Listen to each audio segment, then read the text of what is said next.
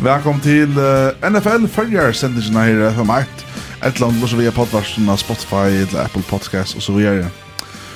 Og i senest jeg har haft hver sendinger Et recap av distance som har vært Og et som preview av uh, playoff som har vært i vikskiften. Men hese vikene har vært så bare et preview av Nei, et recap av, av Championship Round som var i vikskiften. Og så nasta sendingen var nasta torsdag vært så uh, preview-showet. Og at her er Jason Meyer Borsrur Ehm um, Som alltid så er det velkomna å sende dere sms-spurningar og så videre andre fem måneder som nødvendig hems, nødvendig hems, og dette er vinninger eisen i kveld, uh, Aksel? Ja, til så er det at uh, Pizza Shaders tar av uh, lov dere at uh, bjóa eina Super Superbowl-menu ut til uh, de som senda sms inn i kveld til okkon. Uh, og det som vi uh, kunne hugsa okkon uh, at uh, faktisk skriva inn, det var... Uh, Kvært er tutt tutt inte slöt eller kan kan minnes du mest eller kærast där minnet du hever vi du står länge karrieren av Tom Brady. Så kvart for løta er uh, er tutt inte slöta. Skriva til inn eller skriva en sportning till och eller annet så tror jeg vi låter med til en de som skriva inn en Super Bowl menu. Ja. Og Eisen er det som bare i rövspelsbordningar sendingen som vi får förrän att ta om Jacob sendingen. Og skrann i kvöld, her vi så, det var et uh, Super Bowl uh, uh, et event som vi møter for Gjera. Uh, så har vi eisen AFC-disten med Bengals og Chiefs, og så har vi eisen NFC-disten med Fort Niners og Rams. Og så i endan for trossen som karrieren av Tom Brady som helt. Og i virkelig kvöld er det E-Shower, Expression Axel, og så har vi det alt mulig sportsmæveren uh, Peter Asbjørn. Velkommen til. Takk. Um, um, skal en det ikke langt, så er det en hel tøyme kjøkken der åpne vi, og nå er det bare tvær distribuere som ikke skuffa av, så kommer det til som Tom Brady ja.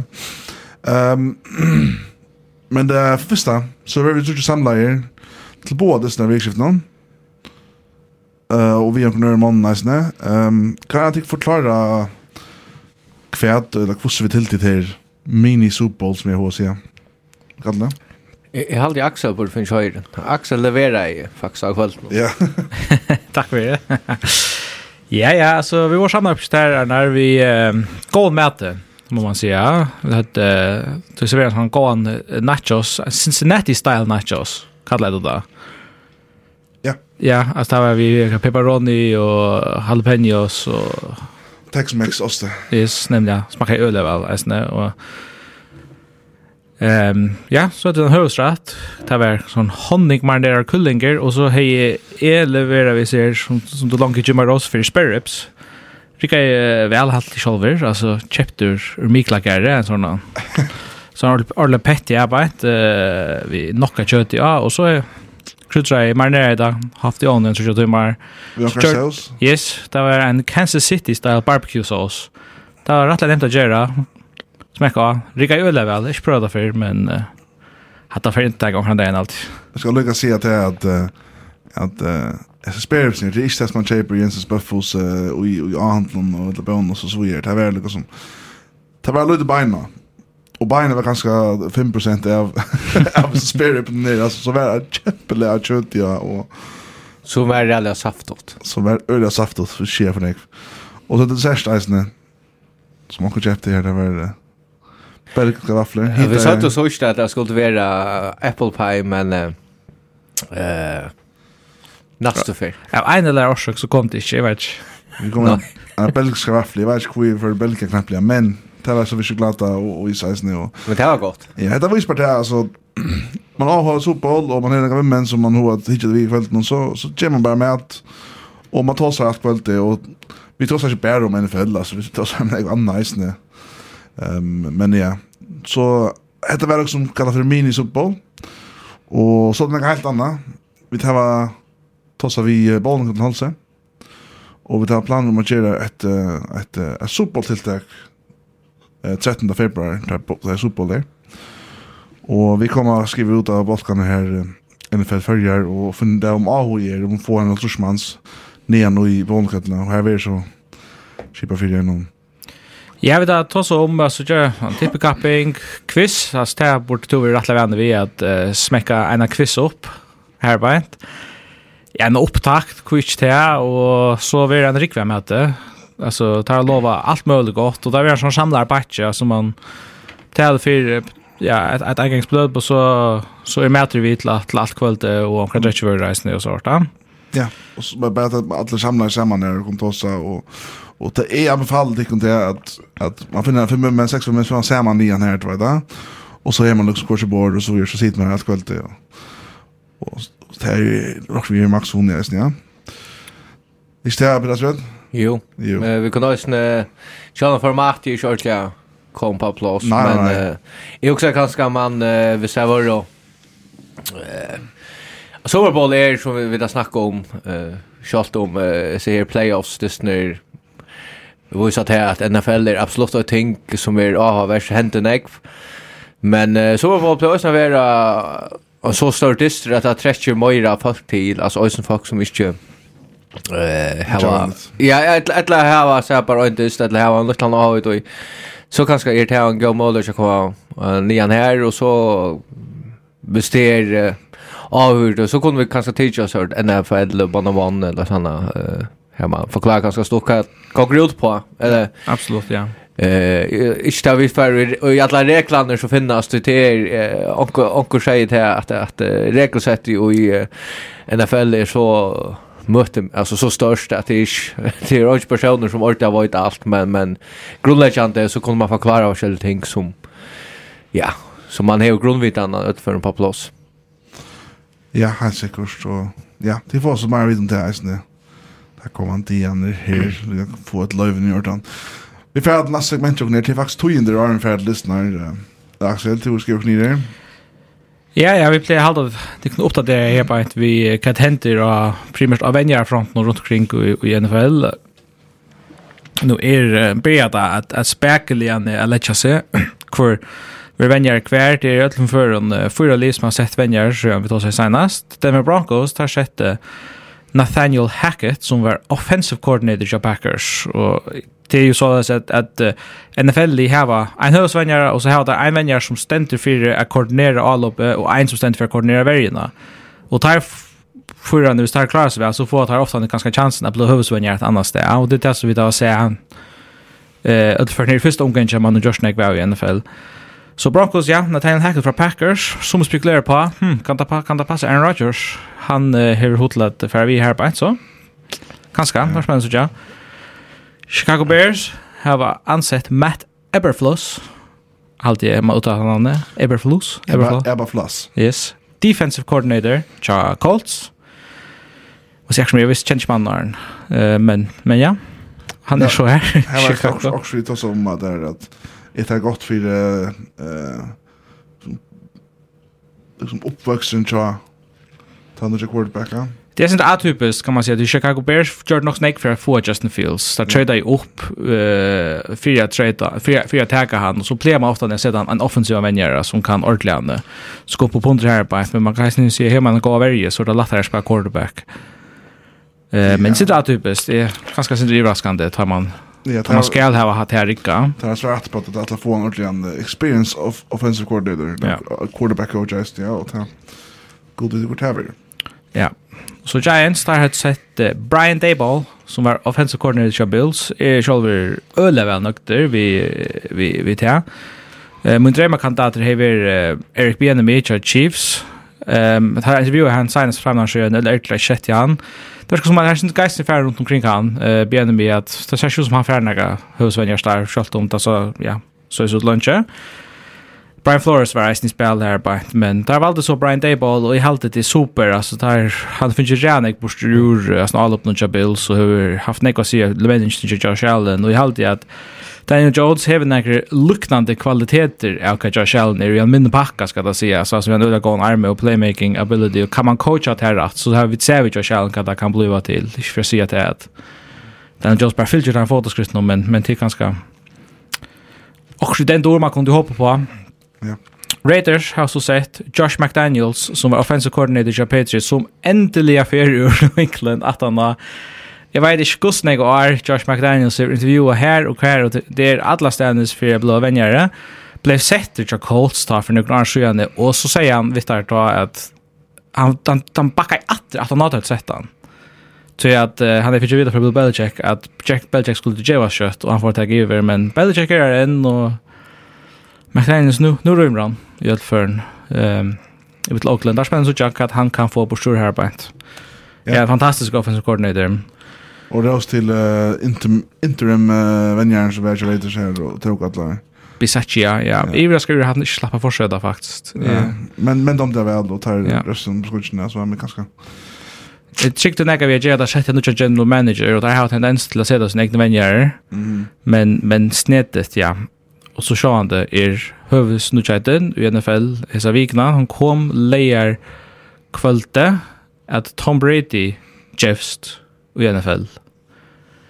For meg kom det som en stor sjokk. Uh, ta meg sier aksmer, og jeg hade vi for at tåsa mer om dette her. Sætten ni sendingene, til vi kunde annars så kommer vi inte till det her. Så låt oss få til avgreit först. Mm.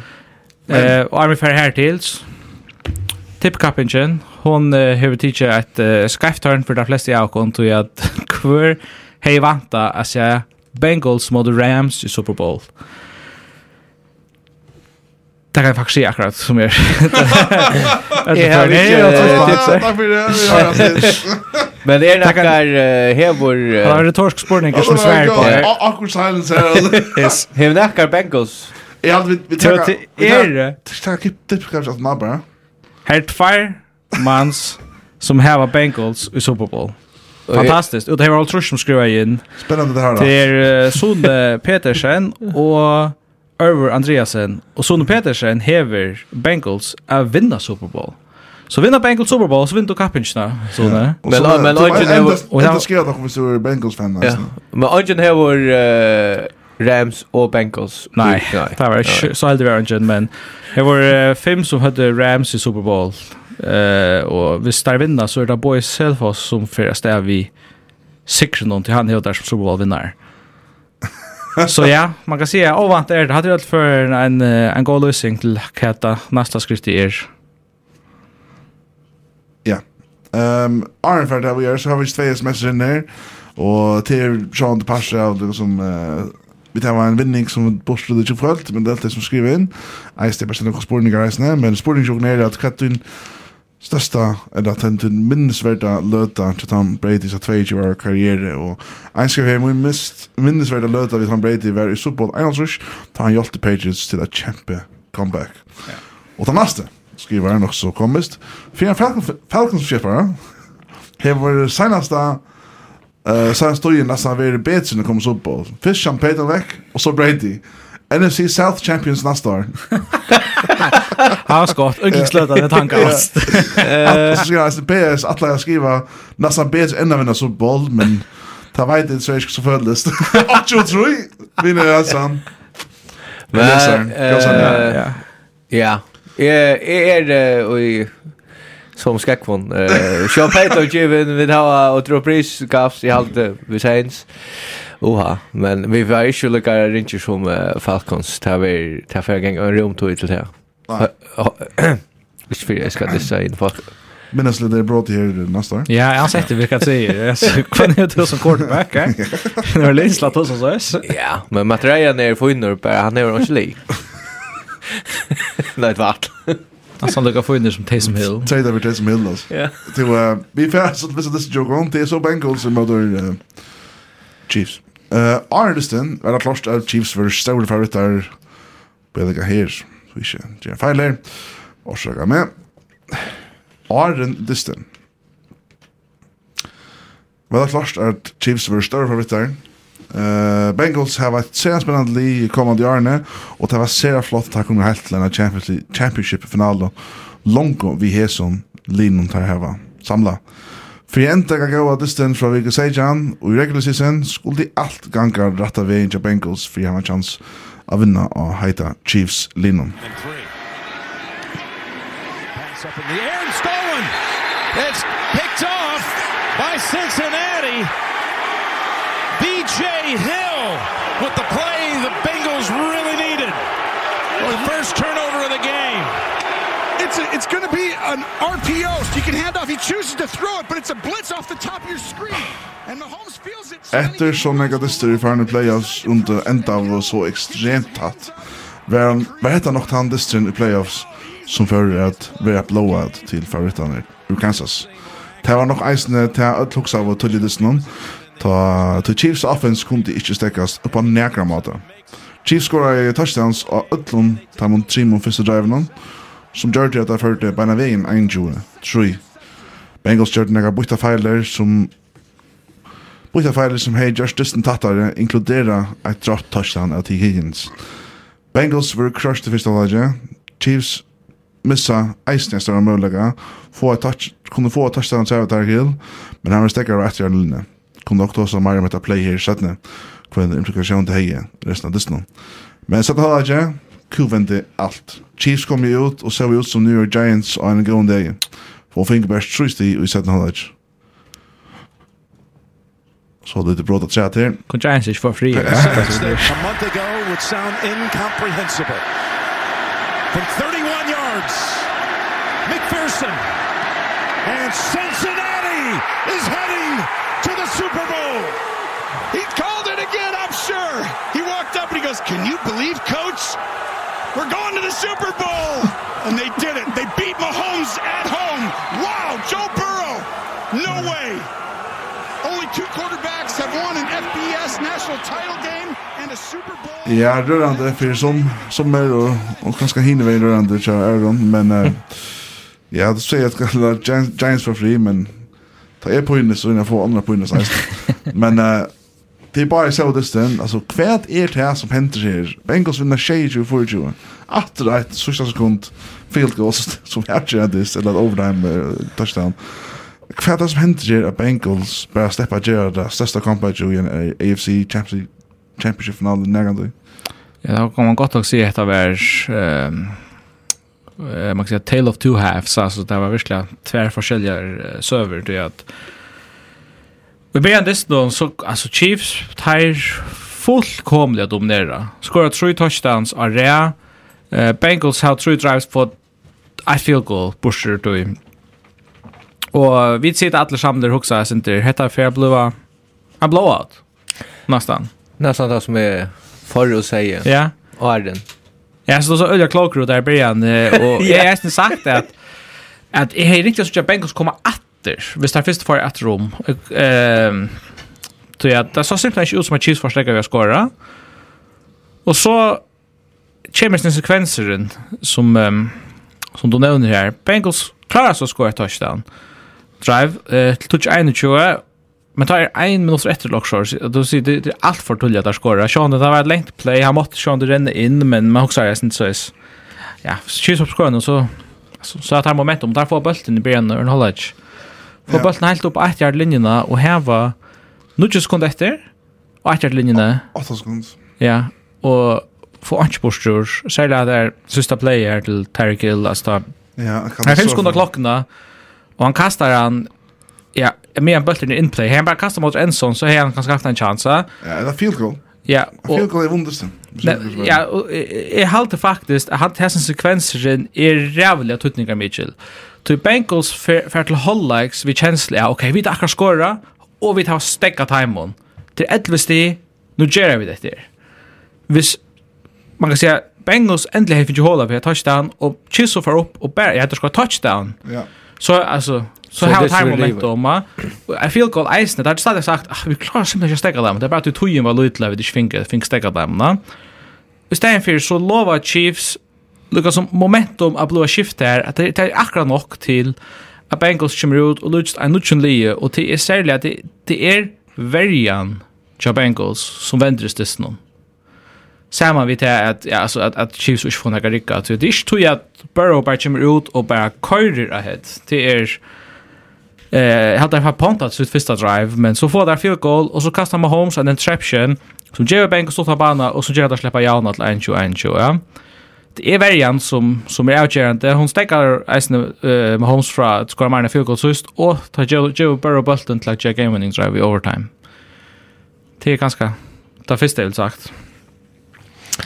Uh, det som også avvers er at Chiefs stendur til å skåra i ändan du akra eller akra omrätta. Tänk också avvers är är att and the rate hevor tar brukat två time out och på att driva till det förra. Men som rätta. Ta brukt ett time out redan bort till att han and rate blackar ett time out för jag vet om han skulle challenge och han challengear så som han skulle du worst. Eh per challenge att det var också tulliga. Tulliga Ja. Ja. Uh, Fax blackar han ett time out veck som man eh, kanske ett för jan vis man eh ser klock på det så jag har haft ett timeout uh, efter och ta det var då så det går just att play och så bara kunna så kunna bara time out och så då finns jag feel cold. Jag hade varit rally vana clock management antar det och han är vår det är först för när han är vana till clock management på andra matchen. Han just där eh han just där Uh, enda sommar yeah. hemma så jag säger det han han så gjort omtum är känd för det. Men men uh, akkurat här och och att det verkar så jävla illa koordinera uh, allt sett alltså allt sett upp och som som då kommer vi ja Mahomes stretcher ut och så blackar han vänster och till EPR slash kökna först på på näkras mat. Hade ju ett lag på Bengals eller så väl och på. Du det handlar skulle bara du ska titta att field cold. Jag ska som om att att att att attarna Mahomes ger han den här filen. Han inte chim för sig. Och svägt när alltså alltså som han färtliga goar två kvartar början. Alltså han är bara flickvand. Ja. Jag hade ni Archer av en two completions och 200 yards och så tre touchdowns. Jörn håller inte nutje ut av 20 för 500 yards och två interception. Alltså det tar overtime vi, ja. Kan det som hänt med Mahomes här på ett annat? Ehm Nej, jag läser Lisa från den Chiefs Nations och är men till och svi att ha Osam till play call någon till Castle Tarkill. Have the Jedi så där quick slant to quick release eh och sen Shannon ganska sen på matlar så I feel cool, Men han blev som Crowder och Jared här fake Tinches och Tarkills för bollen innan. Och sen att här så som ser där att så sa han bara ytterligare ut allt tunnar och kom alltid för sig efter. Och jag kan inte utföra att här skälta sin kyssar om lockskört och så bara fullständigt ja. Jag vet inte kan kollapsa så där sås. Det är fullständigt löja i getter att han har äsne och, och så intervjuer och allt det där. Jag vet inte kan inte. Han sa ju att han hade driver vinna dessen röver var så ytterligare innan vänjaren. Det ja, det ser helt så smärsligt ut. Alltså hick man efter ett driven där här var att han har det här, som så gör något overtime. Punt. Och så punt efter interception som gör alltså en av sputtrain som gör dem en en en stottan bana som gör därför upp ska touchen ska jag like Punt efter en av tre punt. Och så skulle så är där knappt 18 4 och skulle göra ett man ska game winning drive och han helt på fem yard linjen där. Först en goal från fem yard linjen där Touchdown vinn distan. Klara det ikke. Enda vi har field goal, blod sækka over tverfer, enda a. Fomplar enda en fyrner, nesten dysten vekk ta. Sinter atypist, Eva var sæt og hoksa i, kanska Chiefs skora kjøtt, og Bengals hava ein mot etter lett landa skora, men nei, det Chiefs skora ikke.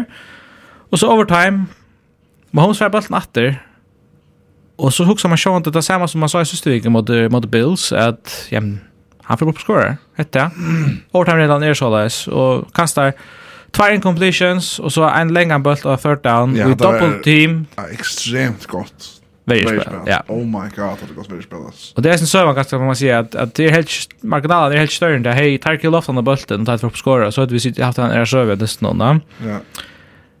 Men han hejer chansen tvärför Mahomes och och tar inte av. Jeg hadde eisen rast nettet at Tyreek Hill rører ikke bulten atter i Ørnholage eller overtime i røver. Det er snett, han er en spiller, du kan gjøre om bulten på nekva mater, på skrin, i backfield, eller et eller annet. Hva henter det? Ellers eisen til han. Også okkon, det her er bra.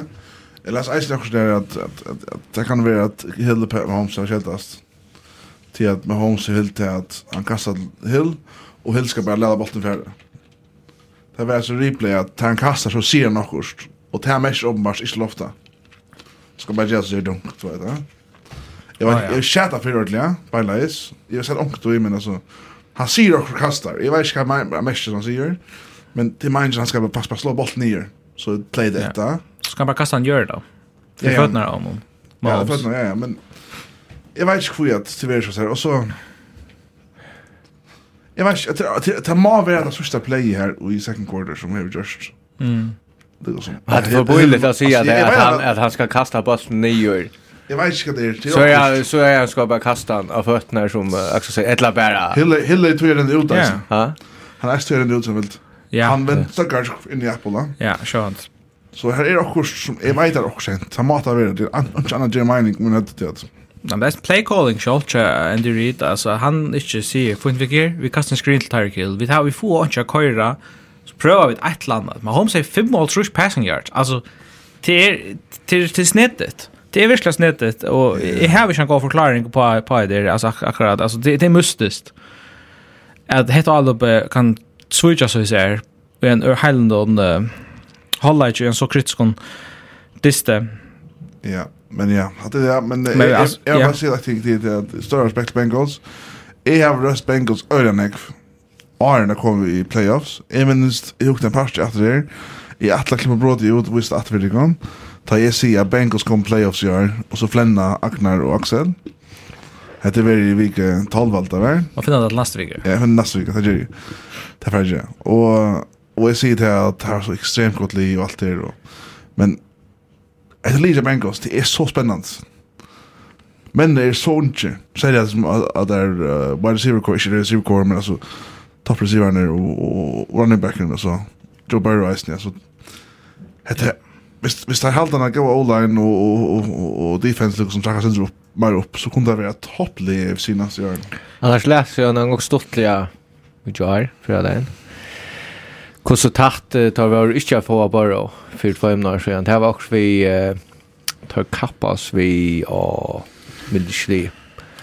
Och tar för overtime. Jag alltid kom uh, Ante Dalton kom vi uh, alltså jag var ikke som tar över och tar skora 8 poäng i träcket. Det var också pura bräcka och så tappade det overtime. Det är det mot Dolphins, ja. Ja, där ja, passar Dolphins var Ja, tar ut för en och tar tapp på overtime Ja. Och blå och få honom har åt sig och drafta Burrow. Eh Och det är var Det är väl sen. Vi vet inte du minnas det är det är att tank for Tua. Ja. Att kalla faktiskt liksom det sock for lock eller lose for Lawrence eller ett annat. Alltså Tua tar gå lov att stora prospect är som öll tosa ju.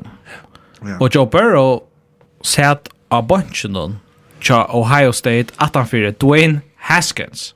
Mm -hmm. Dwayne Haskins som blir draftad över uh, er Redskins og RFR, og som ikke har gjort en skid i NFL. Så Joe Burrow har sagt karriere så ikke ut som det er særlig, så skola til LSU, og verer Heisman Trophy-vinnere, og vinner college football. Vi LSU som ikke vann vi å vinne. Det er helt otroligt. Han är ju kropphessen. Så han sa han sa Jefferson och Jace. Jo jo jo jo, Lee var fantastisk, men han var isen. Han var isen som sagt Heisman, va? han uh, han så uh, han som färs vi raketfär upp fra att vara en bankspelare i college fotboll, den bästa spelaren i college fotboll nummer ett pick i draften och, och nu att vara mittlen där absolut superstjärnor i NFL. Top 5 quarterback i NFL. Ja, utan Iva. Men alltså, han kan göra han kan göra som tar först kan han göra en triple crown. Ja, så tar sig om uh, NCAA och Heisman och ja. NFL. Ja. Så det var sikkert MVP på et eller annet. Man kan altså argumentere at det kanskje heter er kanskje rookie år, sånn. Kan man ikke yeah, dem skapt yeah. til i fjør, så vi er next side av rookie år. Og så, og så skal man eh, også minnes til det at tog at det er så fantastisk, og tog at NFL er så fantastisk. Altså, Burrow kommer til alltså Bengals tar jag ju värde tar de tar ju värde ju så gärna så på så nu nu fors och tar det här var alltså Alltså har det ringast, har det ringast NFL-lin och nästan ödlom parametrar tar bara och kommer till. Jag menar seriöst, eh, defense, offense, alltså har att har att och skräpelig orsaka är brukta utrymsjö. Tar blir det kan kan säga till 13. Att fyra 13. Jag vill gå Attinger till zero de Bengals. Det var så galet. Att legendan Cha Bengals kan jag säga kanske en av bästa spelarna kanske Palmer får ut Iron Drafte och säger att Joe Burrow skulle sagt för Bengals att han noktar spela. Han ska ge en Eli Manning och säga if jag ska spela för Tickle. Alltså han så gäll var stövan i Cincinnati att Jack Carson Palmer allmänt tillrått mannen inte affär här tid och ger allt som man kunde bara se att det är noktar spela för Tickle. Det mot trade med Kara ständes. Burrow säger nej, alltså if jag här som är det och så vinner bara. Men Arn Arn, det som du säger när Pray get odds på Bengals att vinna Super Bowl. Det var så mittel konsekvent i prøve leita så rundt kring konsekvent mittel femte lagste linje. Ja. Der lå samma vid Texans og Jaguars og Jets altså shot uh, Giants framför alltså ja, ja. oss 100 och Christians odds 300 på att vinna Super Bowl och nu är det där ja. ett skritt från från vår hemsmeister. Det är det mest överraskande alltså jag kan inte minnas hvis man man, man, man blir sånt blendar i löpet av Iron tror jag att där har där har varit goer ofta när det löper Arnon och så är det för det sta.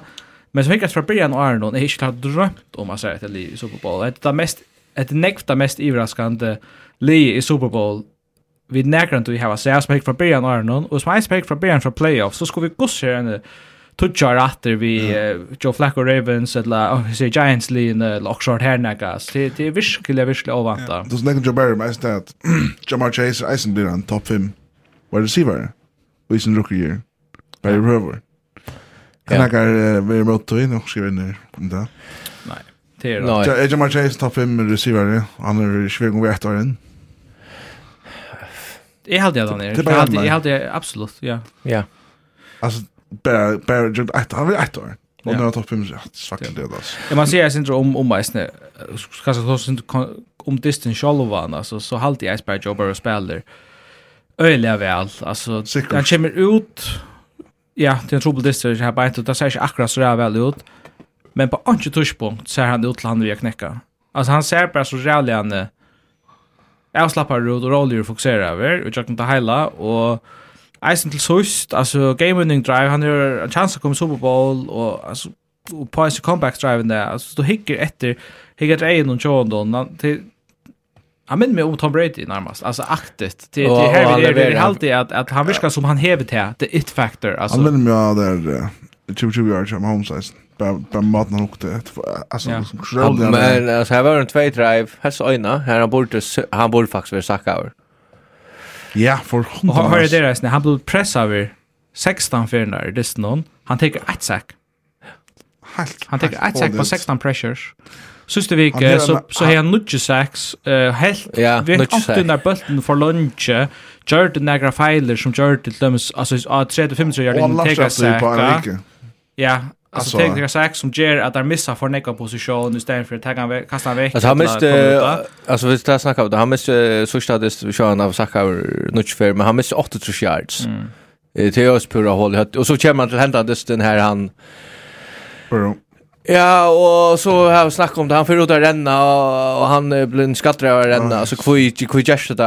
Och han, han vill bara... Jag, jag har alltid det här att uh, han vill... Uh, så han alltid vill jag vinna, alltid vill jag komma i Super Bowl. Men han... han ja. ja. Han var en lojär. Han var det, ja. Han är så fighter, alltså. Det hade ordet cool, alltså.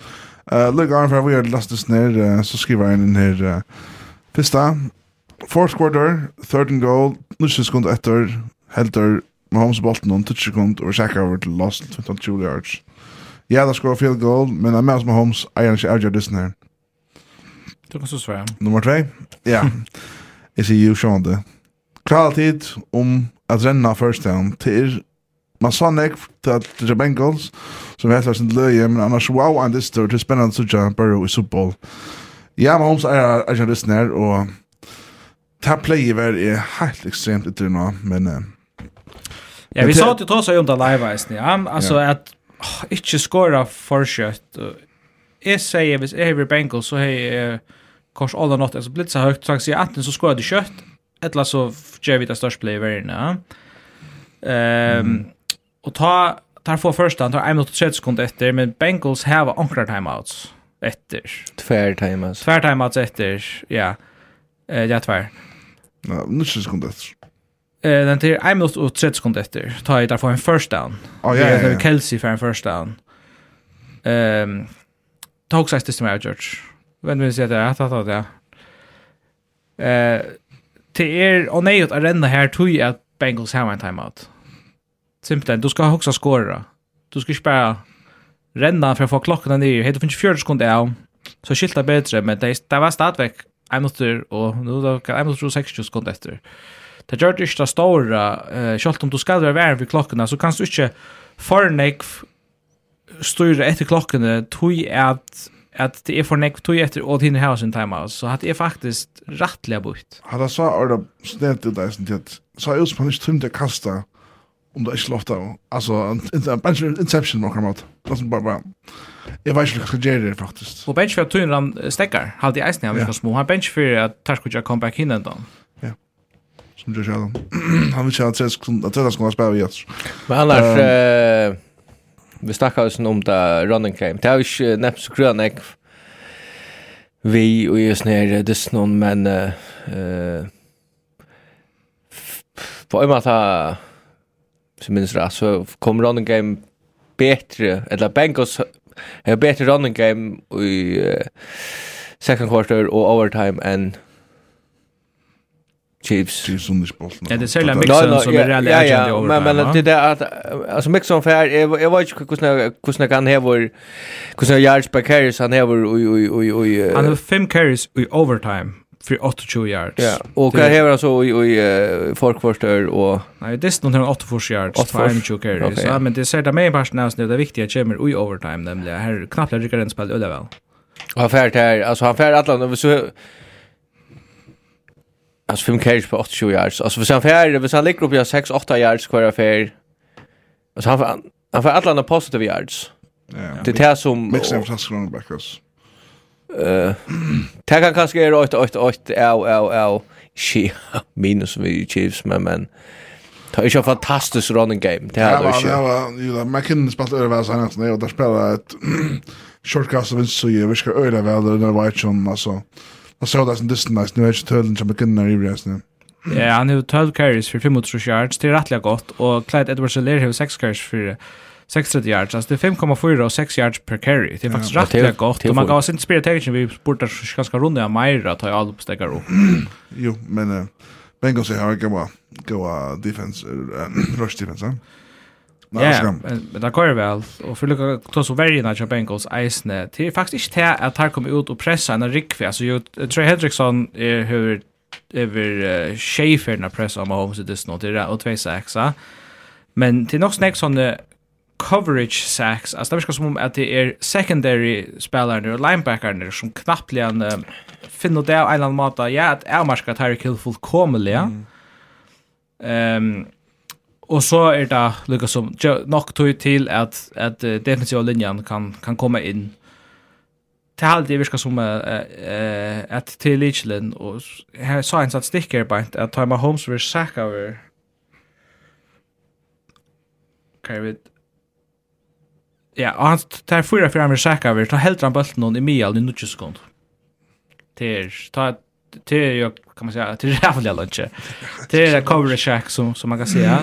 Det det är ganska tan enten som som har mest att säga här på ett för att att att jag väntar det nu. Men för det som om Bengals vinner för Shade för Joe och Chiefs.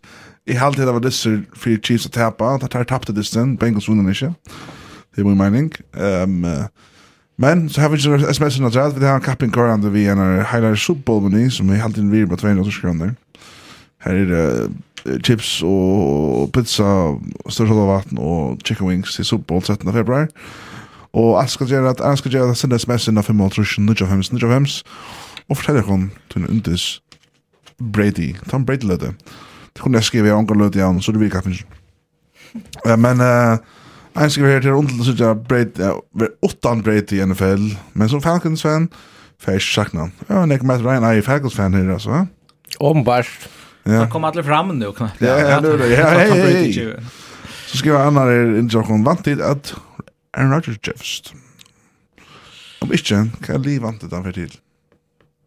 Har kött? Jag vant inte vant Jeffs. Nej, nej, är också en Jeffs. Kan jag till? Kan jag vi vant? Jag vant inte han vi vant. Det vant jag faktiskt inte. Du ser det. Vi har kött där för nästa sen. Bra på båda till. Jag skulle spela för Steelers. Sitter du sier? Så sier jeg, jeg får takka Tampa Bay.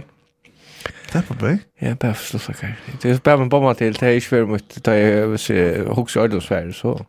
Broncos her. Bare til at jeg snakker Falcons-fan her. Broncos. Alltså Aaron Rodgers för det Lee han ser för sig han gav en Super Bowl visst det är någon här och nu. Det är helt säkert. Det har gått vet i Green Bay. Jag vet. Maybe, men uh, Det var inte de, ja. Vi vi försvart, vi får vi är nästa sen. Och det är en öle öle eh Chelsea. Nej, det är det är Rams och möte 49ers. Under dessen var det folk som vänjer av honom. Eh, Fort Niners head coach Kyle Shanahan har vunnit sexta chans dessen mot Sean McVay som hörs under LA Rams. Där kör han ut och in, väckna att där bara har vänjer i offensive eh offensive timing on Washington Redskins för några år sedan. Rams har ett mer star-packed li, i mean, för Niners har mer playmakers, enkla playmakers och ett extremt momentum körande i playoffs och lötne. Allt är upp till en spännande och som känner för i playoffs är det här akkurat det här finns. Bucks won the Super Bowl in their home stadium last year. Here's Gay from 30 yards out. He's got it. Rams are on top. 20 to 17 with a minute 46 to go.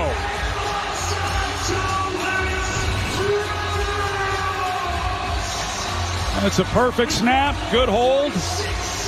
Right down Broadway. I'm not all for fyrir skum etter. Men Arne kom her til, så for Danish fikk han bedre bedre på listen. Der kom fyrte Sejan Shea i third quarter. Men öll visste at hendan næstan ikkje var sikker på en nærkansmess måte. lo and behold, jag må jag lova sig till en förskon eh förskar radiostation. Flott först märkväl då alltså. Lo and behold. Så choka i kärnan så lite åter. Hetta vi ikke det samme slag kollapsen som Chiefs hette for noen timer her Men 49ers kastet av borster vi oteljande oteljande å teljande brødlaren. Um, Sjalton for Niners uh, Jared Feilner høttar tvær sjanser under lysen. Og til eisen hentet løtan Jim G hei boi etter til a prekva han er et han er et at etter San Francisco som klarer å få det til Super Bowl. Først sjanser til honom at han bavan var et missetna uh, takk til et delay of game penalty som var frustrerende for nekvar for Niners klippare. Tur Rams gjør det alai ta saman 4-4 8 nekka flakk av kvelden. Sutton chances Jimmy G for Niners enda vi en interception. Takk til heavy pressure fra Rams D-line. Rams hadde ikke så nekvann hita, om man kan si at det er akkurat lov etter kvalitet her, men det sørste pressure var et av viktigste kvalitet Inception enda distan, trykne, og det er skuld til å sende Matthew Stafford i Super Bowl i sin første sesong i Rams. Det er så da jeg sier at uh, støvende sier sier Jan, så ja, så kommer fram uh, 20 sier Jan og i 1 minutter 4 sekunder etter. Garoppolo, han, uh, ja, han gjør det. Ball's batted into the air and drops to the turf as Vaughn Miller has. Garoppolo under pressure. Donald got there in the air, intercepted by the Rams, and they to the Super Bowl on that. Så er det Chiefs agent til Rams, og at Garoppolo ble så sløtt, at det var nok det sørste kastet kjønnen som enda sin reception. Og for den andre kan jeg godt, kanskje, tiden han frem til, jeg vet ikke hva tikkene. Men, jeg minnes en kommentar fra fjør, hei Lions haft en ordentlig quarterback, så det kanskje kom i Super Bowl, sier en Lions-hipper. Jeg sa det faktisk brått i George. Uh, men också vi har tagit neck om Rams och tar tar sats urgent det liksom som uh, tar det som mata få spelare på löten och kosta bruka så en draft pick så hämta liksom så kött här härifrån. Eh uh, kvui är det så Bowl här så viktigt för Rams. Eller ta vi snackar om där och sen så draft picks kan lukka inte ta det från tre pars för det vi vi nämnt manna Liksom kan kan det just we are som inte anlever just. Och nu är det Super på. Alltså eh Rams har haft en helt uh, särlig måta att uh, att driva sitt liv på. Jag sammanbordar Lutsen det via en uh, en unga för som spelar Madden eller ett land alltså man ska vara stöttna spelare ner in. Du vet släkt det där kontrakterna som är det toppspelaren tackar där dyra kontrakterna och så det skränar jag till hinner. Trade utlockar first round picks för att få fler fler eh, stjøtnespillere. Og det är så start Toge Jerkoff i 2016. Og ta trade där eh, så eh, draft pick 2016 for å få han, med landa för å upp till til nummer 1 att ta han. Så sen 2016 hade där faktisk trada öll sine första round picks. Där trade för Brandon Cooks i 2018. Eh, 2019 så så tror jag det där eh jag har köpt men ja, Jalen Ramsey två first round picks, Matt Stafford två first round picks. Det har varit uh, pura ohorsta säger det att här från 2016 till 2000 och 23 har gänga åtta första round pick. Shade drafts är det. Ja, och second och third round picks Eisen för. Mega mega att dem för. Men som Marcus Peters, Sammy Watkins, Dante Fowler, Von Miller. Så det är det stor nu och några av dem har kicksa. Och som är att de har godt nog leverera. Och det er just jo er till å være Att At Matt Stafford trade är validera ved en, en stor omstempelig halt i. Mm. Eh, jag har också sin om att det är och har en annan vinkel på det. Alltså, det går ju Jared Goff en så stor kontrakt, och han levde inte opplanda på den måte. Jag släpper av vi han var faktiskt en positiv i seg Alltså, Altså, han alltid har negativ, så nästan, jeg gjør ett eller annet for, Alltså, Så man ska ju också Jared Goff plus två first round picks. Alltså det är två first round picks och Matt Stafford plus att släppa av Jared Goff. Ja. Så man gett på den maten så är det faktiskt finaste slä och i första round pitchen det är ju sure. Det är väl de 1 eller 2 3 och i fjärde är det säkert vet jag. Ja, och så ända nice. Ja, och så maten här tar just på att en draft picks väx och draft picks är öliga öliga öliga som dyra bär för att få liksom rookies in vid låga kontrakt som är komma hejter i college och spela extremt väl och sen Mega Parsons gör så vi är nästan ja. Eh färra Miley Agera ta the Rams way eller the little drunken spel med dem vägen. Färra fylltes ner Rams. Det är fotboll. Vi ska vinna. Alltså där kunde man väl försöka så här. Och jag ställer tål det för att blåsa inte överse att, att, uh, att man får säga till att hmm, kanske är det inte bytte det vi att, att trejta första pick. Så man, Li har en tendens til å halda for nekv på sin, sin draftpicks. Ja. Det halda jeg helt for en... Uh, man var man också oh if I få en långa spelare han får bara bli supergoer ja och det är bara I'm alltså kan se andra kvar som blev så är hampliga goer och det är vet ju alltså tre alltså det är ganska 5 6 6 8 mans som blev pro bowler och en sån där första runt i en draft alltså man man even övervärderar hur så goer så spelaren är ja La färra alltså det har satt så på alltså bär jag sats men det är kanske större sats att du tar en som som du inte vars om han slår till eller inte alltså men det går också stort lite vi det går också stort vi att nu är det Bengals som vi där snackar om och då är Rams som vi snackar om nu och som vi får snacka om mera så att men det är kvar så en mat att driva så ett leo på Och hur stor kommer det här till? Alltså, för sent ja. Det stort är, är att uh, Zach Taylor uh, han kommer också från Sean McVay. Alltså, han är... Ja. Sean McVay har levererat, jag vet inte hur snäckar, en trutsch eller fyra head coach till NFL nu. Alltså allt som han har runt sig är för till att bli head coach. Uh, Zach Taylor var quarterback coach och coordinator. Mm eh och stottligt. ja, det är också stortlig match up alltså ja men men eh, också stått lite att här Rickard så någon tog att är dock vi som Rams Rams är svär alltså är svär så reella vad han lever tar tar alla liar mitt då ja alltså i neckvar tar han kan då alltså fluxerar så reella neckvar och så ser man kat är det jag ska till att få det sista alltså susha skumpe till att komma här upp. Här är vil och i kvalitet. Ja men så gör han det här. Och han är rock vid att han ska mörda vinner går jag bara drafta pixback och så fär han kommer han här upp. Han är ja. alltså Stafford är nog klar rätt så rusar och ja. Alltså hvis han fungerar, ja men hur ska det skjuta ett ett ett annat om skilda sida så i går så så mitt där som här var faktiskt fina på skönner utfyllt där och nu ska det bara ha en trutchard för trutchard spelare tre som är voice slå till. Drafta några Pixfax så får jag trutcha rotnera i herrar en som jag kanske har bruk för det och titta som klitcher och ta klitcher ju hon. Ja, men säger jag flotta Rams så är det så på under 20 sejan för Niners så som vi vet så har vi nog snäga för Niners fans för ju. Eh kontrollera. Eh nå så till Bengals Rams finalen. Jag känner känner jag en Rams fan och känner en Bengals fan för ju. Så snäga Bengals fan och Rams fan då så är vi. Jag vet om det är det här isne. Och men så läser jag skriver så sms inna för Maltrus. Nu jag hems. Nu och håll. Fems. Lägga ta det snäs samma nummer sen dras ja. Alltså för där spelar näck bättre. Ta det första dag var det FC var svär. Helt chill i såna isne.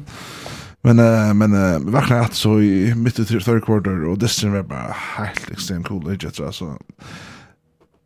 Som jag nu säger till att Chiefs tappade den. Alltså, det kunde jag för Edge Flyer för när og til denne fyrirna. Her halde jeg eisene, jeg får nærmere stavadisen, og nærmere stavadisen ikke.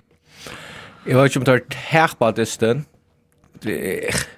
men jeg må jeg vente at du sier at jeg tar hava, tar hava avorlige målagan, han vinner disten. Uh, men Jimmy G, han, uh, han er ikke. Nei. Men, men, uh, og i månedlig der Chiefs tappdisten, så, så halde jeg at, at uh, som sagt, jeg har alltid at Forsniners har absolutt kan till att vinna dysten.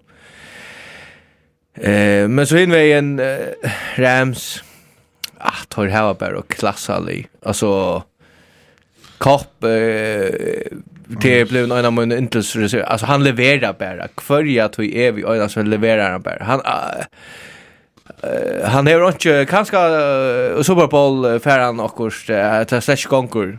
Men hända sånchen Han är i halt han nummer 8 i öllum kategori. 142 år så 2 touchdowns. Ja. Sundagen då. Men han är han är uh, hela säsongen är bara sövlig. Hon är sövlig i fyra receiver och han är bara ja fullständigt sjuk. Ja. Ja, alltså Disteren han ja som säger han är en defensiv gång till bra men så är Örn Hollage. Så lägger för 9 8 Seichan tjej mitt i tre akkorder. Ja. Ta huxar man sin att nu börjar det att gänga tarve. Och jag huxar samma för sig. Wow, vi får virkelig få 49ers i Super Bowl som nummer 6 seed mot Bengals. Ja, uh, kanske för tog. Men um, härifrån, att han det händer så så steppar Matthew Stafford fullkomligt upp. Eh, han har ju gott nog ikke den beste uh, byrjan på det. Han kan säga en interception er i endzone som er helt verre sinte butser. Altså han kan säga sin 18 för spelare han blir tippt. Och mer än så väl däckar upp. Men ja, 18 nå för det sätter sig åt vi touch det här. Ta det börjar bli kritiskt. Så får han ut kastar fem completions area på det här inklusive a touchdown. Och att att lasta drive här. Det är genialt och generellt bara alltså resten av Disney nu tjau 12 för 101 yards och en touchdowns för att du punkt nu nu. Han lyfter sitt game upp fullkomligande och i motgångt och hever Cooper Cup som du nämner som ja Han har missat Cooper Cup och en, en, en bult. Just det, han han hickar oh, yeah, yeah, han, yeah. han alltså Han ligger i botten, så ser bollen vi i händerna. Så kan han fram med armen och låta bollen. Så prövar han sig. Ja. Men det är det är så rookie mistakes att du alltid tar sig att du ska alltid säkra bollen när du ränner med men han han är lika som han är faktiskt helt skinne av bjötten i. Kan man säga att det är att Odell Beckham eisne. Man ska man man ska inte mangla alltså att Joe Honon eisne sen just säga att Och han så heter sån snällt Han har varit ja. han har varit så jävla viktig för det här. Ja. Så han kommer. Och man säger han har spelat lite rätt som oss. Han han är att bara inte han är totalt vänt så ett omdöme. Jag vet inte han därför han mördar för behalta nästa år tror jag det här var några pengar alltså och det ska ha lyssnare pengar för att han är han har lagt här stöj efter. Här 113 yards men det är bara oj oj oj avgörande touchpunkt och när bara så det är näck för till hesa boar och tar tar så hamrande viktigt för det där. Ehm Jeg har aldri Beckham har eisen prikket til at Baker Mayfield er bottom 2 quarterback i NFL, da. Bottom 2? Altså... Ja, ja, altså. Men annars, det som, okay. men det som er også Men. Ja, det er komt da. Ja. Det som man ikke, det som man ikke snakker sånn, det er til å høre om Cam Akers, som er faktisk, jeg hadde jo også viktig for at det er. Så har du Jefferson som ikke är så jeg snakker om att tiden bara i färra vi så rär han har pratat noen. Han är fourth receiver alltså. Ja, men men hvis för det hit etter hon hvis för hit efter alltså så snitcha. Alltså han renner djupt. Jag har alltid inte att jag har hukt efter men nu tjuda tutju kast någon som han tekniker rockni vi är rockni till djupkast. Han för alla alltså Och det är så Stafford attor, alltså det till attor och ting han kan bruka. Armen. Till armen och Jefferson den köpt så färre han en en en fjärde och trusch trusch yards alltså till pura. Jag bara ser det att Jefferson har nog lats arbete all in. Han har köpt. Ja, det, men det gör ju plats. Han han en en. Ja, och men det var två kopp och den där två Beckham. Och hvis visst visst visst tar det som quarterback eller safety, I I five step så Jefferson fryr. Så bolt bara deep end så tar man Jefferson det vet jag. Men alltså du vet, vill är nej. Men jag vet han går alltid alltså han han ger nästan samma arbete som jag gör Som döms Davis Judge mot Chiefs utan vi sen. Alltså. Ja. Han är ju god Davis men han fick för touchdown så det är Ja. Ja, du var shit gånger vi. Ja, jag jag jag vet vad det var. Jag husar på att ta till att snacka om Stafford og og och hur snägg vapen han hävor är kan det ja. Altså, hvordan jeg våpen han hävor hvis, vis hvis, okej vis inte min undersökning så var kopp eller väl nei, så får jeg bare ut til Alda Beckham ja. Higby alltså.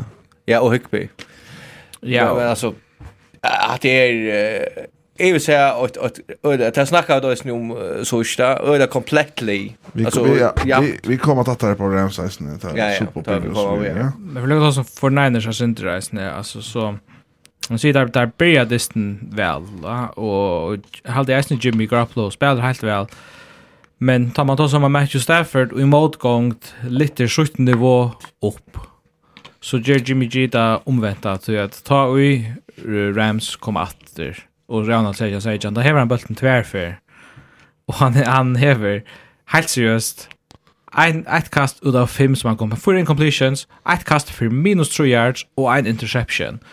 Han fær bulten vid 1 minutt og 20 sekunder etter. Nei, 1 minutt og 6 sekunder etter. 6 sekunder, ja. Og han fær opp og gjør ja, skora field goal eller gjør et, et game-winning drive som han hever just og i nekken perioden vi er. Men nei, ferdig ikke rykka her så eller kicks han interception. Jeg kan godt fyrir ikke om fyre at det er lukka som third og 13, men sack her er vi 14, 25 og altså... Ja, hun kastet arm bare. Han stod etter, ja. Han arm vekk. Ja, Och ja. ja. Interception har vi inte ilt av. Alltså shot tap play men men det menar att att han fair inte Han ger är inte positivt att han där har Jana och till till något skilt och så säger att där verkligen har bruk för honom. Ta switch han där ska sent.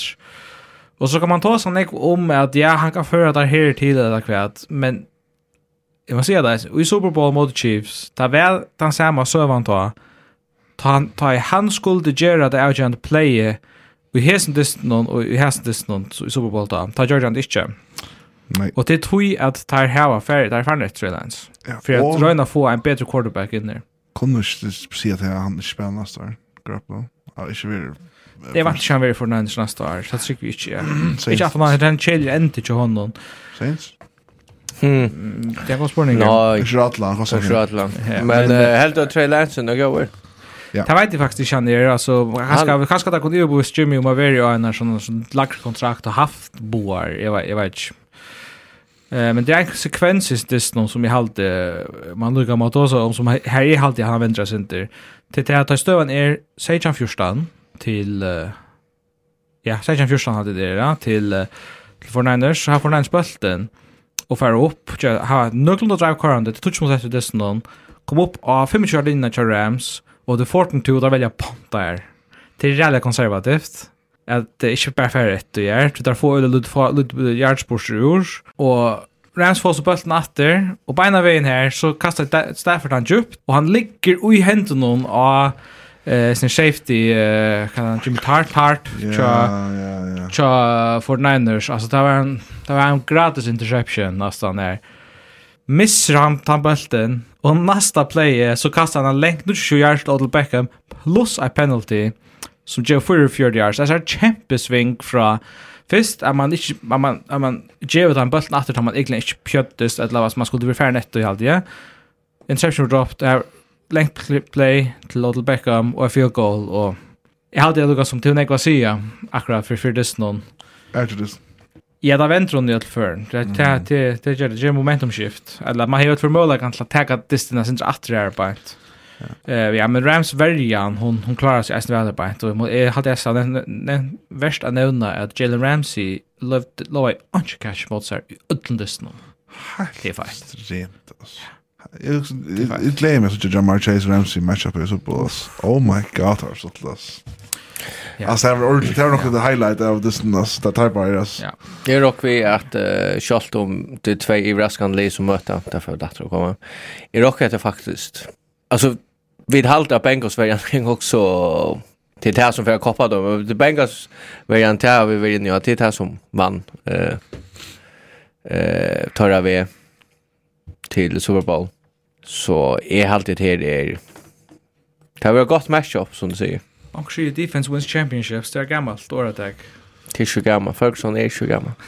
Han har sagt det, eller? Det er fra NFL. ja. Yes. Uh, kan se, er det Tom Brady nu? Det har at det Disney, eller hade de bare? Ja, det er for Disney, og som sagt, enda skrivs messer in... uh, uh, hos, enda skrives skrivs inn, in för mål, og nu får færdes igång vi, uh, Tom Brady segment til Okon. Uh, Rams vinner 20, uh, Sejan minutter for Niners. Debo Samuel var det, og kjent at det stod tog seg Debo Samuel, men er fantastisk, fantastisk leggere. Uh, vi færre at uh, har jeg litt bra til, og så, så færre vi til gang til Tom Brady segment. Time today. It's an exciting moment for me in my life. Something that's obviously very unique to me is it's the first time it's happened in 20 years.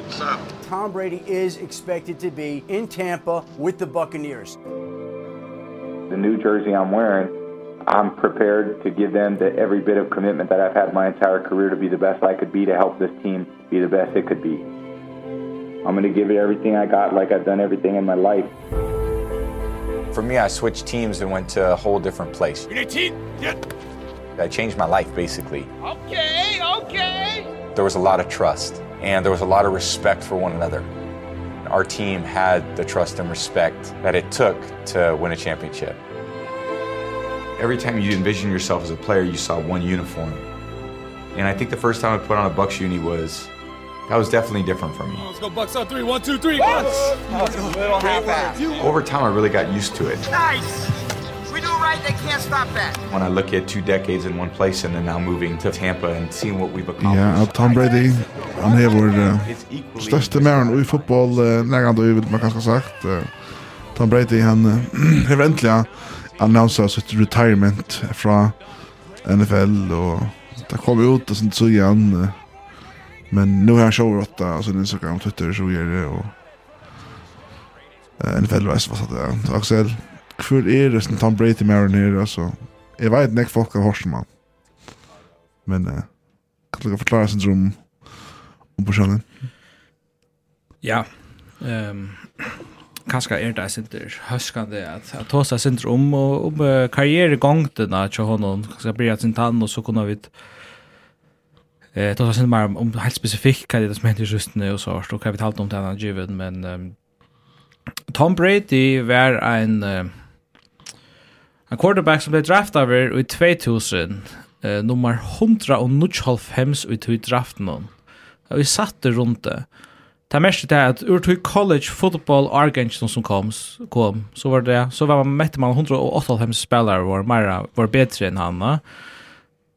Um, og alltså för att sätta det perspektiv alltså här är inte alla quarterbacks som är goda i NFL. Här alla tecknar i första runde. Alltså mitten där första toucha 20 eh picksarna.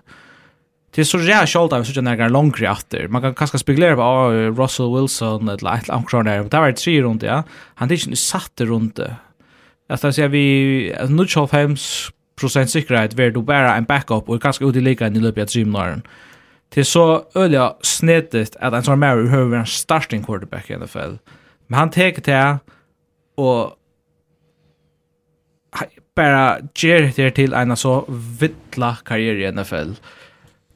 Det som är product Minter upp är det skriva Tom Brady eh, draft picture eller ett annat. Protect Minter går ser ut som slapper fyrer som rann den senaste alltså 40 yards 40 yards sprintet och nägrande för så han alltså han var oatletiska slappa förare som i höver sluks på spelare men som bara hejer några eh, mentalt som som är spelare inte hade och så Scholz lite alltså Scholz det här sort klipp fra fra Robert Kraft så han fortäller om han som jag också att du kunde lycka spela här på ett är du där This skinny beanpole of a young man walked over to me and said hi Mr. Kraft. I want to introduce myself. I'm Tom Brady. I said, I know who you are. You're our six round draft choice. And I always remember he looked me like a laser eye to eye and he said, That's right.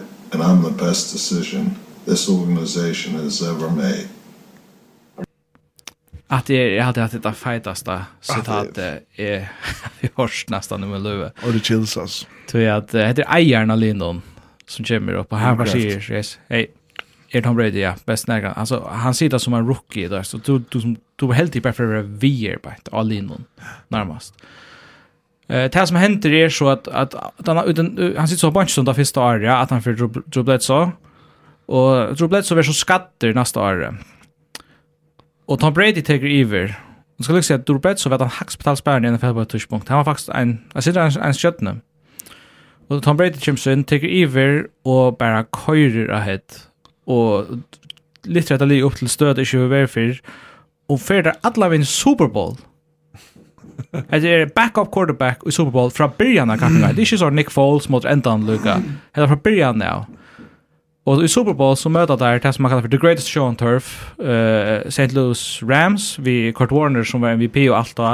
Og der var det 14 point underdogs i ja. Super Bowl.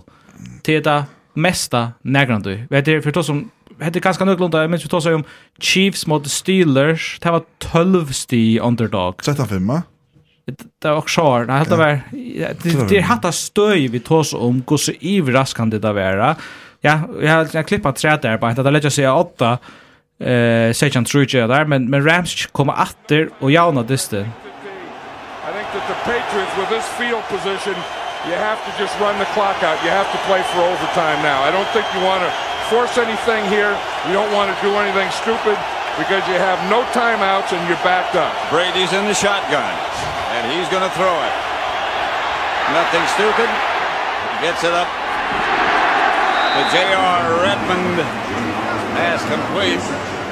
Gets out to the 21. I would, you know, I don't, I don't agree with at det er John Madden som sier Arjen har bænt fair i overtime, ikke for utsatsa nega, det er 1 minutter 20 sekunder etter det her bøltene 15 yard linjen, det er jaunleik, her tror underdogs tog seg Du veist, ja, korfyr, korfyr det, og han fyrir ut, leverar kast, at han har kast, at han har kast, og færdar i field goal range, og vinner Super Bowl, som den største underdog, negran du.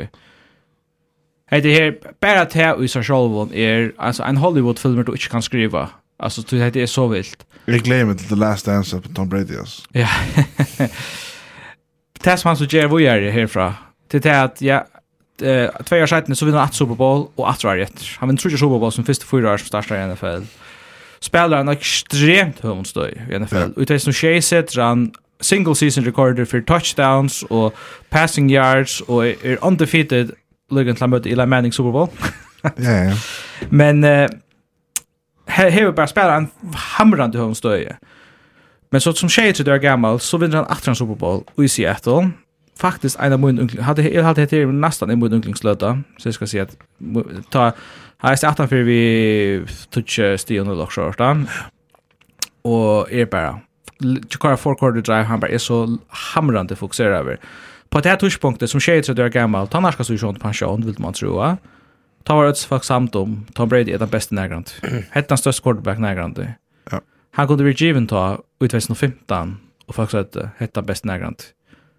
Alluga väl att han att Så vinner han två Super Bowls i New England och en MVP som fjärde år gammal. Och det är inte nog vet du, han får ice till Tampa Bay, vinner en Super Bowl i år och enda nu sin karriere Her har man nummer 1 i NFL, i år, i passing yards, og passing touchdowns, og møvelig over MVP. Er det akkurat jeg vil nå? Jeg håper det. Jeg håper det, men stemmen er langt givnere. Arne etter er det. Jeg håper det sånn jeg. Henda karrieren er så latelig av vitt. Altså, dette, og du bare teker, så teker opp samla, så kan du si hans karriere, han har haft trutja Hall of Fame-karriere. Ja. Hvis du teker, simpelthen, han, han, han starter 21 år i NFL, deilig til tjej, tjej og tjej prick ett så hävrar han statistikkar som kunde rättvisgöra trutchar Hall of Fame karriärer. det är så tabeligt. Gå så går det smärn ner och jag halt inte att här är ett utredande namn så vi kan samarbeta. Vi kan samarbeta med Messi. Vi kan samarbeta med Ronaldo. Jag halt heter vittlare än näka andra och jag vet kan kom fra så är det bara så hamrande vilt. Och jag spelar lika hotla CS i som playoff statistiken som ordentligt stort alltså att han hever 13.000 passing yards playoffs. Nummer 2 Peyton Manning vid 6.000. Och 300. Han har 6 och först passing touchdowns. Nummer 2 Aaron Rodgers på 5 och 4. Han har vunnit 5 och 3 playoff dyster. Nummer 2 Joe Montana vid 16. Alltså det är ingen sammanbäring för vilka han har uppnått i NFL. Det som är nu. Och det är den största, ja. Det är den största spelaren som nägnar du kommer vara i amerikansk fotboll. Och det är fantastiskt att Filton och Sean, det är Jordan sitta som inte kommer så tjän han uh, i NFL, inklusive mig själv. Ja, jeg vet ikke, hvordan reagerer tid på etter, eller lika husker tid om, om Brady, ja? Altså, som det så jeg at um, jeg var i sin baten her, at jeg don't shut Patriots i River, til jeg vunnet alt og så gjør det. Og, og så, så blir han spekler hatt Tom Brady, ja. Så var det Tom Brady kastet River Patriots. Det ble han da.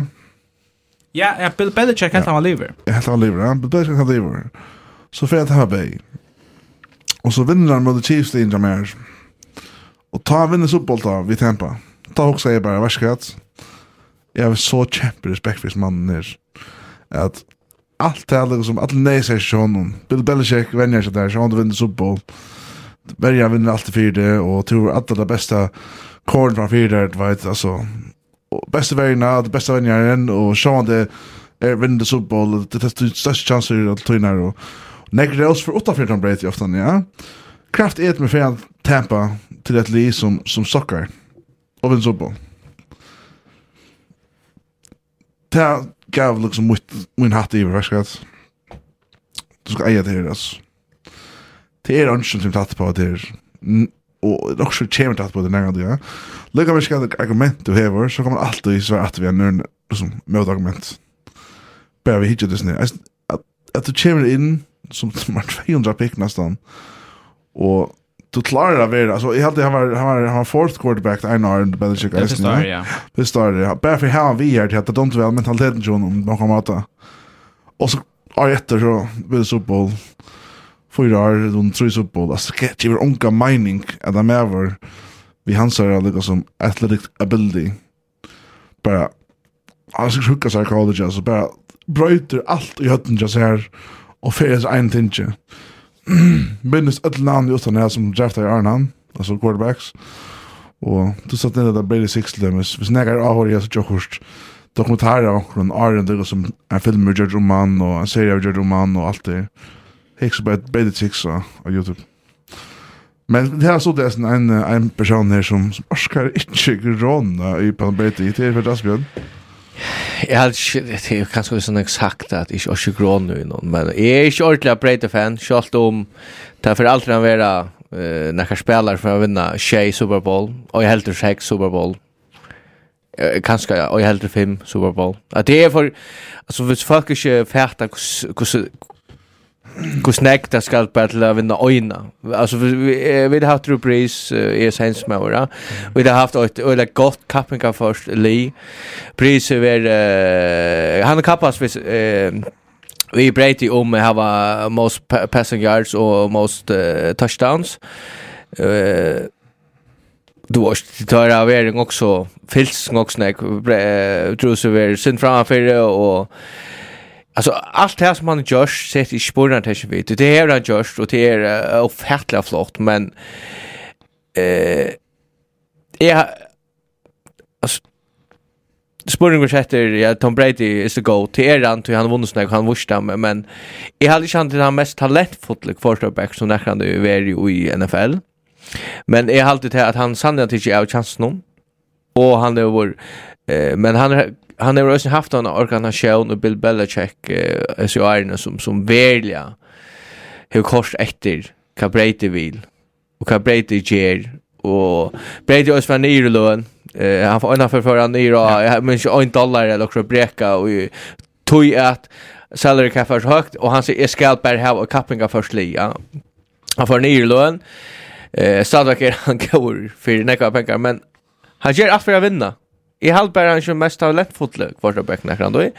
Och ja, men han är men uh, allt annat det ska han släppa ju fri. till Det är helt otroligt fantastiskt men men i är ju ordliga Brady fan.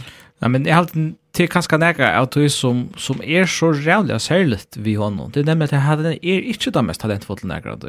Ja, ja. Du har Aaron Rodgers, du har uh, Patrick Mahomes, og du har haft eirar Aaron han eisende som har vært øyelig atletiskir og gåur. Han er ikke en atletisk med på en egen måte. Men til det at det som er oppe i heiland nå, mannen, er så voldsomt. Altså, han er så hamrande kloke spelare, for det første, gjør øyla få feiler. Men bare mentaliteter, prøv å hygge etter hans treningsprogrammen. Altså, han er fullkomlig psykopat, altså, det kommer til hvordan driven og motivera hver han har vært. Han er 44. Og så han er, till Bayern ska kunna spela och häst ner stöjen någon alltså som den bästa kanske jag är som 44 år gammal. Och det är simpelt den tror jag han har skumpa han är så malrätt över så han trackar in och, och i NFL om att vara bara den, den bästa och att köra het och alltså han har han har hooks om allt som han äter. Han har inte alltså han alltså han träcker överhuvudtaget inte och han är en supermodell han eh, svever som telton och jag han han kör bara så svagt eh regime här på och ja han är så bara så kvarskvalt åtta och ja.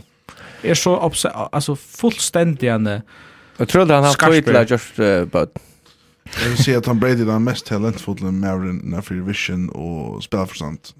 Och en fällning gamla. Ja. Så det är så talent så så också bara att talent till alla patch Inte bara det som under kött kastar väl och så vidare. Så det är ju det quarterback är ju bättre att du var inne och var kasta så vidare. Så allt patch. Och med att spela och och vara roligare och kallt blå i aksjonen, og få menn vittar, leia til, at leia til, så er det det som man do best. At selja lika som fake plays, quarterback sneaks, altså han er best i ötlingens, og det er så 100%.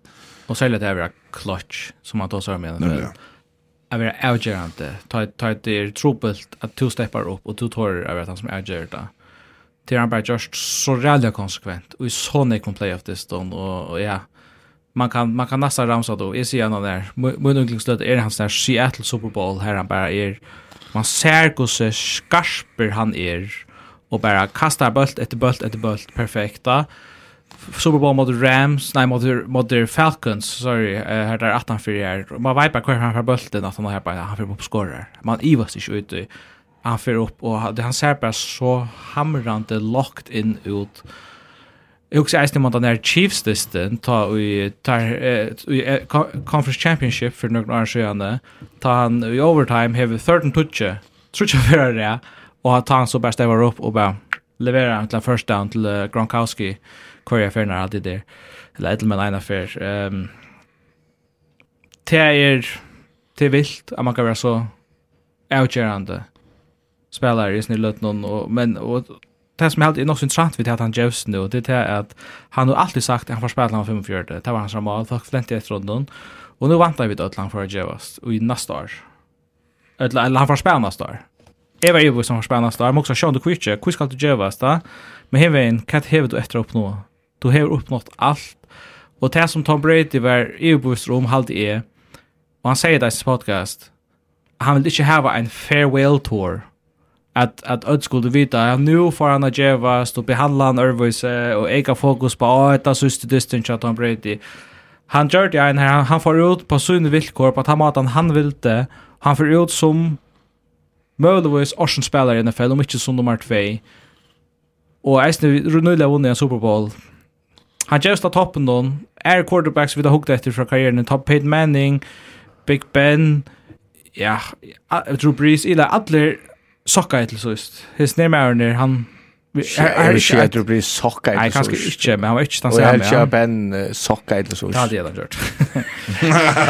Men, ja, han fyrir ut, av toppen och utan där man nära till höra ringt minne i i Ja, alltså det har vi sagt att han är då bäst som blir vanlig i NFL. Han är annars fastest released och sen release time och i hesa sonchen han the outland quarterbacken.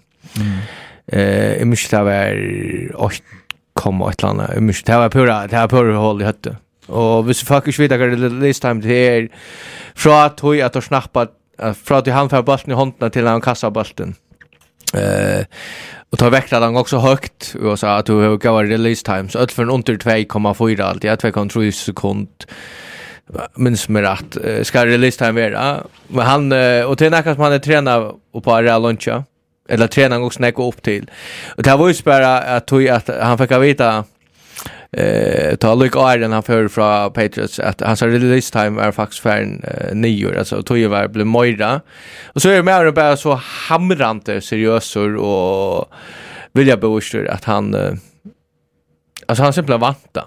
Och det, det kan vänjas uppa och ska hållas för Luke Sean ja. men, men och så kommer han nu i år och häver bara ta shotas release time av Ötlund och i ligan. Mm är det är faktiskt hamnar imponerande men det är stadigt spread fan. Nej, men det har gått för fri. Eh ja. Det som vill. Då vi får vi göra. Och till till ändan av uh, när till att se om uh, pizza shade som gin. Det finns också något som är in och så drar ett. Bara läsa dig. Okej. Nej, jag bara faktiskt skriva faktiskt inte. Så, nej, kan var inte mindre av att han bet i, men... Eh, drar åt att kjoli, hva for var det? Her. Det blev till uh, telefon med Shady och Tveider Støyvors, och det var Brynjar Olsen, till Lukke Vindsson.